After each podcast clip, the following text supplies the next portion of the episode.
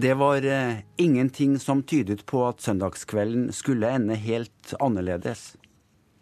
Ingen eh, murring i ryggen, ingen tegn over himmelen, ikke et stikk gjennom hjertet. Tvert imot. Denne første søndagen i oktober i fjor hadde gitt en sol som varmet, en tur i Hinnefjellene i all verdens farger og en høy himmel over en tranblank Vågsfjord. Nå begynte det å bli skjømt, og jeg tenkte blir det høstens første kveld med nordlys? Da ser jeg mobilen røre på seg. Jeg ser det er et afrikansk nummer, og jeg stusser. Afrika ringer sjelden meg. Det er jeg som pleier å ringe Afrika. Hei, Silje. Hei, pappa. Hvordan eh, går det med deg? Jo, greit. Ja, greit. Jo, du skal uh, høre, det er sånn. Jeg har fått uh, ebola. Sånn begynte 15 dager i oktober i fjor. Jeg heter eh, Bård Borch Michaelsen.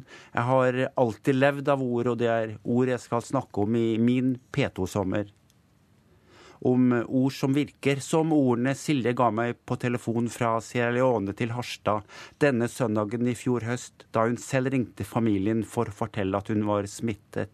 Jo, jeg har fått ebola. Hos oss tar vi ytringsfriheten nærmest som gitt, som en selvfølge. En jury valgte i fjor de ti viktigste norske tekstene gjennom tidene. Kongeriket Norges grunnlov var en av tekstene som ble valgt. Juryen valgte Grunnloven, men pekte ikke bare på loven som ble vedtatt for over 200 år siden. Den inkluderte Grunnloven slik den er endret opp til vår tid. Oppfatningene om hva som er riktig og galt, viktig og uviktig, forandrer seg. Hva annet vektig er skrevet? Juryen satt ned av Norsk faglitterær forfatter- og oversetterforening valgte bl.a. Bjørg Viks programartikkel i første nummer av bladet Sirene fra 1973. Er det sant at kvinner er undertrykt? Ord som virker er bevisst eller ubevisst planlagt etter en modell som er like enkel som genial. Tegn en trekant. I det ene hjørnet skriver du publikum. I det andre formål og i det tredje innhold. Rundt trekanten tegner du en sirkel. På den skriver du tid, sted og sjanger. Altså, før du skal si eller skrive noe, gjør du klokt i å bruke et øyeblikk på dette. Når, hvor og i hvilken situasjon er det du skal meddele deg? Hvilke behov, interesser og oppfatninger har de som du skal snakke med? Hva ønsker du å oppnå? Når du Kjenner ditt publikum, vet hva du vil og behersker ditt stoff, velger du dine poenger og tilpasser dem til sjangeren og situasjonen. For snart fire år siden var det slik en taleskriver bevisst eller ubevisst tenkte mens han forberedte sjefens viktigste TV-opptreden. Taleskriveren fant ordene som grep situasjonen, som ga oss det vi hadde behov for, og som på et forunderlig vis klarte å fortelle oss at dette skulle vi fikse sammen. Statsminister Jens Stoltenberg sa det direkte til hele det norske folk fredag kveld 22.07.2011. Vi må aldri oppgi våre verdier. Og vise at uh, vårt åpne samfunn består også av denne prøven. At svaret på vold er enda mer demokrati, enda mer humanitet, men aldri naivitet. Bedre kan det ikke sies. Det må i så fall være det Helle Gannestad, medlem av AUF, formidlet gjennom Twitter samme kveld. Når én mann kan forårsake så mye ondt, tenk hvor mye kjærlighet vi kan skape sammen. Rett ord til rett tid. Det er ikke det du sier du kommuniserer. En tilhører vil alltid kunne oppfatte, tolke og huske budskapet på en annen måte enn det du selv ønsker. Så når jeg sier at eh, det du skal høre nå fra min side ikke handler om fotball, ikke i det hele tatt, så tror jeg ikke det er til å unngå det noen av dere vil uansett assosiere til, eh, til nettopp det. Spesielt siden jeg har advart. Så får vi andre ta til oss budskapet uten Liverpool-drakten på. Jury and the Pacemakers, You'll Never Walk Alone. For en type! Men amerikansk, ja, svært amerikansk, og han snakker som en prest. Nei, som en baptistpastor. Sånn hadde vi kanskje reagert dersom eh, Barack Obama hadde holdt 17. mai-talen på Torvet i Harstad. Mange har analysert talene til Obama. De fleste mener at han har en helt særegen utstråling. Men de er også samstemte om at det går an å lære av det håndverket som blir utført. Jeg glemmer aldri talen etter hans første valgseier. Jeg sto opp midt på natta for å få den med meg. Ja, jeg dro også ungene opp av senga. Dette må dere få med dere unger, dette blir historie, sa jeg. Det ble det. Retorikkprofessor Jens Kjeldsen peker på at Obama har en fremragende evne til å oppsummere tingenes tilstand, til å artikulere en visjon og en drøm som kan inspirere, og til å finne nyskapende og dristige midler for å gjennomføre visjonen sin. Obamas personlige framtreden er åpen og vekker tillit. Han griper øyeblikket og situasjon, tid og sted og sørger for å inkludere tilhørerne i det budskap han vil presentere. I takketalen som vi fikk overvære for sju år siden, var trepunktslister et gjennomgående virkemiddel, helt fra begynnelsen av. Han eh, innledet slik. If there is anyone out there who still doubts that America is a place where all things are possible, who still wonders if the dream of our founders is alive in our time, who still questions the power of our democracy. Tonight is your answer. Teknikken gjentas. Tre punkter som avsluttes med en konklusjon. Det fremstår som eh, logisk. Trepunktslisten kjenner vi fra de gamle mestere som Cæsar. Jeg kom, jeg så, jeg vant. På latin blir det også med bokstavrim. Veni, vidi, vici. Vi husker også teknikken fra den norske statsråd i nyere tid som har vært dyktigst til å formulere seg, Gudmund Hernes. Han skulle offentliggjøre utnevnelsen av landets første kvinnelige biskop, og han sa det slik. Tiden er moden. Anledningen er her. Beslutningen er fattet. Et annet virkemiddel Obama benytter, er den nærmest poetiske rytmen. Ikke verseformen vi kjenner fra den tradisjonelle lyrikken, heller dikt av Stein Meren, hvor det er vekten av ordene som sammen med pussen og pausene skaper den rytmen han vil oppnå. For det er rytmen det kommer an på. Det vet Obama og alle presidentens kvinner og menn. Han lager musikk med kunstpausene og variasjonen i fart og volum. Gjentagelser av nøkkelord blir til refrenger. Men eh, hvordan ville 17. mai-talen på torvet i Harstad startet hvis vi hadde fulgt oppskriften som Barack Obama brukte da han takket for seieren i 2008. Omtrent sånn. Hvis det er noen der ute som fortsatt tviler på at Norges frihet og selvstendighet er et gode, som fortsatt undrer seg på om ideene fra 1814 er levende, som fremdeles spør om styrken i vårt demokrati, da kan vi si at eh, dagen i dag gir svaret. Ord som virker på ett torg en kveld, virker ikke nødvendigvis i nabobyen neste kveld. Det vi nå hørte, var en ung mann som for to år siden satt på rommet sitt i Irland med sin gitar, penn og papir. Han skrev, han sang, og han la det på YouTube. Sangen spredte seg epidemisk i de sosiale medier med sin skarpe kritikk av den katolske kirkes holdninger til homofili. Da Irland stemte over legalisering av likekjønnete ekteskap i vår, fløy Hosier hjem for å stemme. Han hadde vunnet folket, nå vant han folkeavstemningen. Ord kan virke, og de første ordene jeg nevnte i denne timen i sommer i P2, var 'Jeg har fått eh, ebola'. Fire ord, nøkterne, konkrete, korte. Og virket. Det gjorde også den eh, norske beredskapen. Pasienten fikk den eh, best mulige behandling, og vi som ventet utenfor isolatrommet, var pårørende på første klasse. Og vi følte ordene som ble sagt og måten de ble sagt på, bidro til å gjøre situasjonen bedre. En av de bøkene jeg leste da jeg studerte, heter Språk er makt. Forfatteren Rolf M. Blakar sa det som kan fortone seg som selvsagt, men som vi lett glemmer. Vi griper verden gjennom begrepene.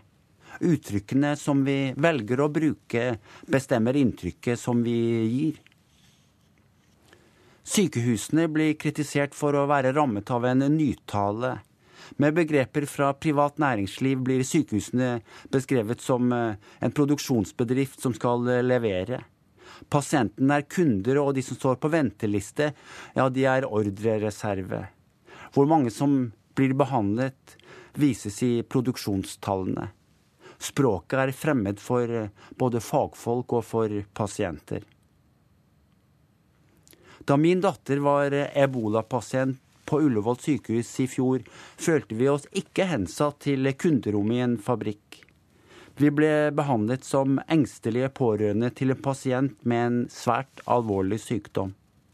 Vi ble utsatt for en omsorg i hvitt hvor vi aldri hadde grunn til å tvile på kunnskapene som ble brukt til pasientens beste, på innsatsen som ble lagt ned, eller på det oppriktige ønsket om en vellykket utgang av saken. En inderlig hjertelighet fra rengjøringshjelp og ansvarlig overlege. Vi ble ikke snakket til, men med, og overlegene bestrebet seg på å bruke ord som vi hadde forutsetninger for å forstå. Vi følte oss rammet verken av et nytalende helsevesen eller av fagfolk som snakket over hodene våre på latin. Begge deler gjorde en vanskelig situasjon lettere. For lenge var det slik at prognosene for pasientene var eh, usikre. Det kunne gå begge veier. Hun hadde en sykdom én av to dør av. Komme hjem heter det du nå skal høre. Det er eh, Kristin Skåres versjon av det som må kunne sies å være den nordnorske nasjonalsangen. Det går, også uten ord. Ordene kommer, ordene går, bare noen består. Umerkelig skifter vi ut ordforrådet vårt. Det skjer ikke fra dag til dag, men fra tiår til tiår. Hvor ofte har du denne uken brukt ord som oven i kjøpet, bøtteknott, havesyk eller fasttelefon? Derimot har du nok hørt om de blå-blå. Du kjenner noen som naver. Du skaffer deg voksenpoeng selv om du er over 40 og du har lyst til å avfølge en av dine venner på Facebook. Ord forsvinner fordi verden endrer seg. Vi har ikke lenger bruk for ord som grammofonspiller, isenkram eller sjekkhefte. Og bortsett fra P2-programmet Klar en klassiker, hører du aldri NRK-programmer oppgi sitt telefaksnummer. En kvinne som heter Safia Abdi, forstår kraften i ordene. Hun er en norsk-somalisk sykepleier som er kjent for sitt arbeid mot kjønnslemlestelse og rasisme. Safia er æresambassadør for Harstad og æresmedlem i Norske kvinners sanitetsforening. I vår uttalte hun at hun ikke lenger ønsker å bli omtalt som innvandrer. Hun sa etter 23 år i Norge og utallige teltturer, fjellturer, fisketurer og søndagsturer mener jeg meg kvalifisert til å være medvandrer. Medvandrer. Et ord vi skal ta med oss videre.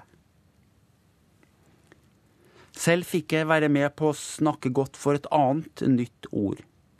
Det begynte da en journalist i lokalavisen Andøyposten forlot lunsjrommet i protest.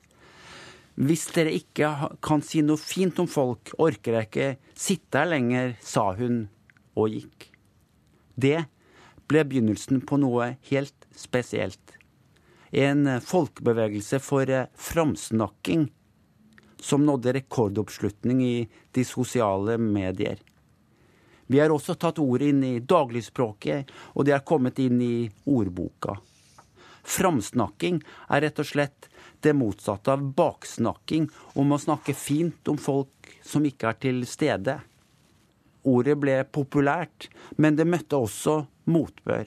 Ble beskyldt for å være et tomt, rosa ord som sa at vi alltid skal være positive og hyggelige til alt og alle. Det skal vi jo ikke. Poenget er så enkelt som at kritikk av andre skal skje i dagslys, ansikt til ansikt, ikke bak en rygg eller i mørke bakgårder. Allerede Sokrates, sier vi. Allerede Sokrates. Det er nesten slik at vi tror Sokrates heter allerede til fornavn. Allerede Sokrates var opptatt av eh, framsnakking. En dag kom en bekjent av filosofen bort til ham og sa, vet du hva jeg nettopp hørte om din eh, venn? Vent et øyeblikk, svarte Sokrates. Før du forteller meg noe, vil jeg at du skal gjennomføre den tredoble filtertesten. Det første filteret er sannhet. Er du sikker på at det er sant, det du har tenkt å fortelle meg? Nei, svarte mannen. Faktisk hørte jeg akkurat om det. Nei vel, sa Sokrates, så du vet ikke sikkert om det er sant eller ikke. La oss da prøve det andre filteret. Det filteret kalles godhet. Er det godt, det du har tenkt å fortelle om min venn? Nei, svarte mannen, jeg vil heller si tvert imot.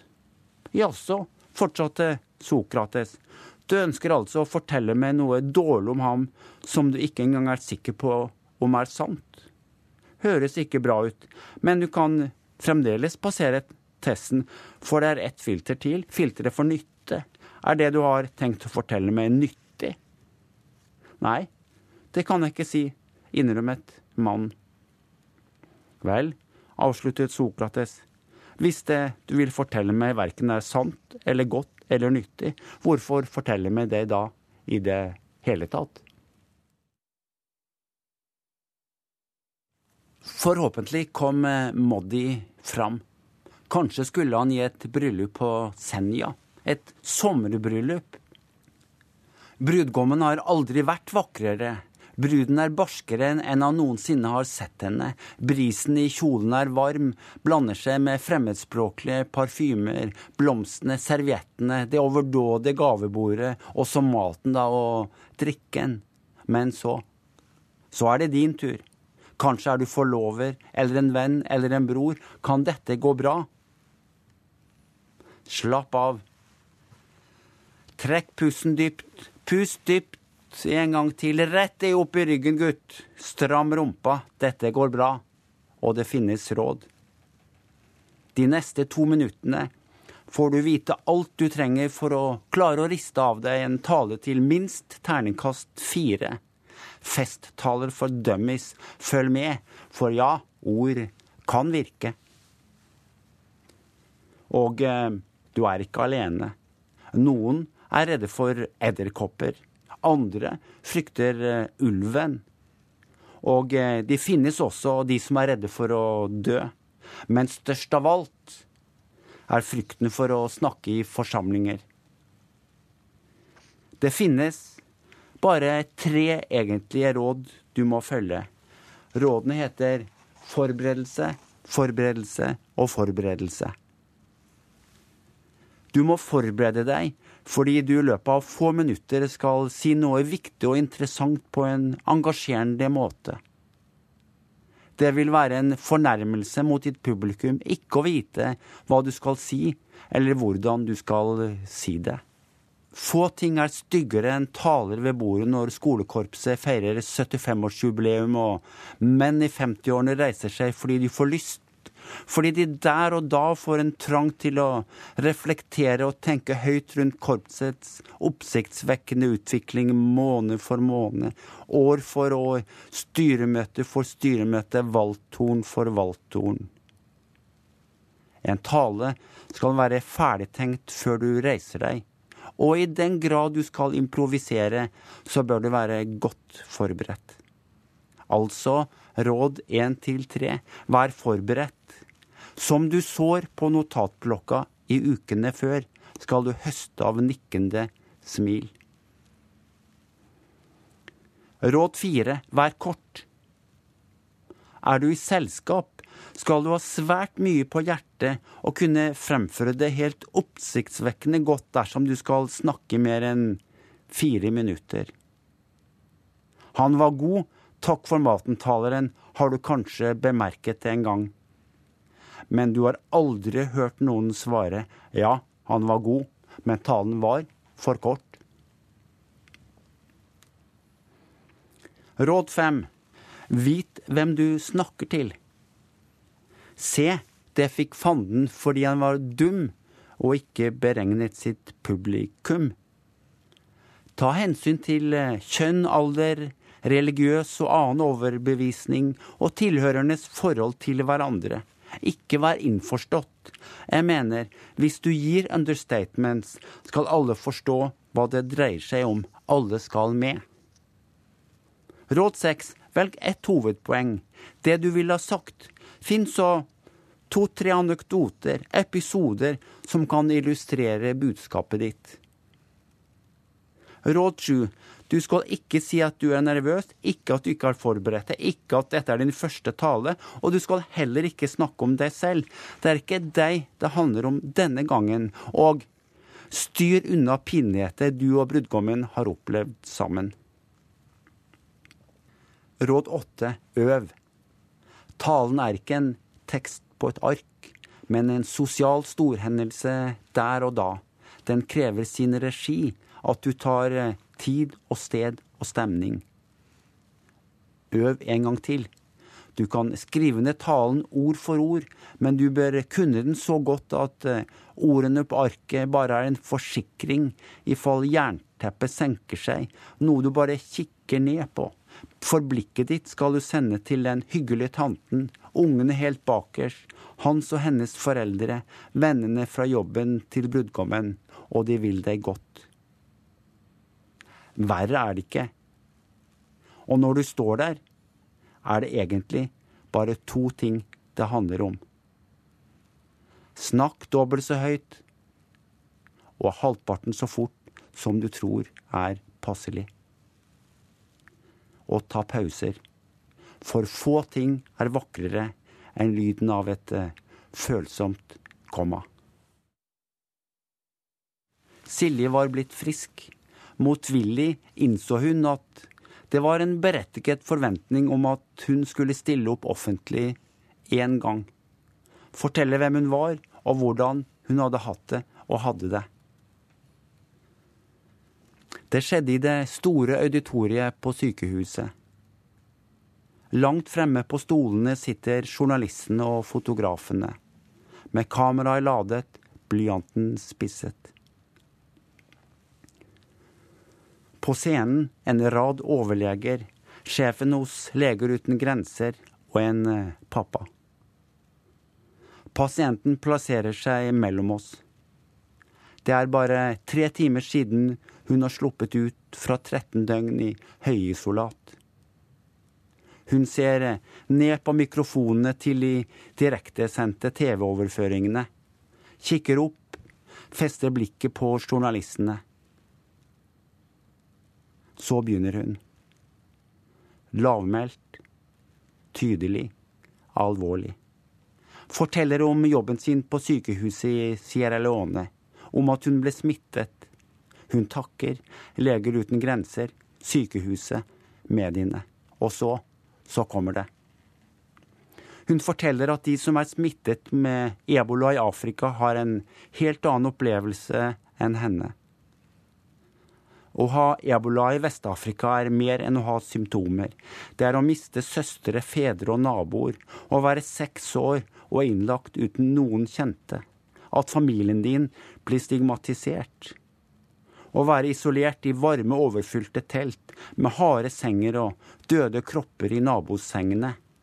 Men det er bare hvis du er så heldig å få plass. Å ha ebola i Vest-Afrika er å ha en liten sjanse til å overleve, men sannsynligvis ender det med å dø alene. Sier hun. Tar en kunstpause. Fortsetter. Sier videre.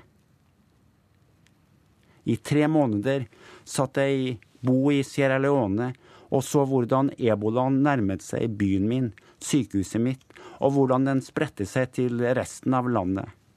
I tre måneder så jeg den totalt fraværende internasjonale responsen. Vi følte alle kampen mot klokka, men verden sto stille. Ingenting skjedde, og vi følte oss hjelpeløse.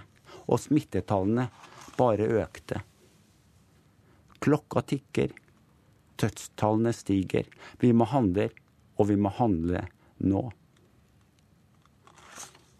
sa hun. Takket for seg. Forlot. Men ordene forble i det store auditoriet på Ullevål sykehus. Og TV, nettmedier, radio, aviser og sosiale medier sendte dem videre inn i hjertene til hundretusener. Klokka tikker. Dødstallene stiger. Vi må handle, og vi må handle nå sa hun. Og på dagen, seks måneder senere, konkluderte Verdens helseorganisasjon på akkurat samme måte. Verden reagerte for sent, saksbehandlet for omstendelig, handlet ikke raskt nok. Jeg skulle ønske at de som burde ha bistått flyktningene i Middelhavet eller i Syria, også hadde fått med seg den lærdommen. Jeg heter eh, Bård Borch Michaelsen, og jeg takker deg for at du ville være med hele denne sommertimen i P2 om eh, ord som virker. Og eh, tenk om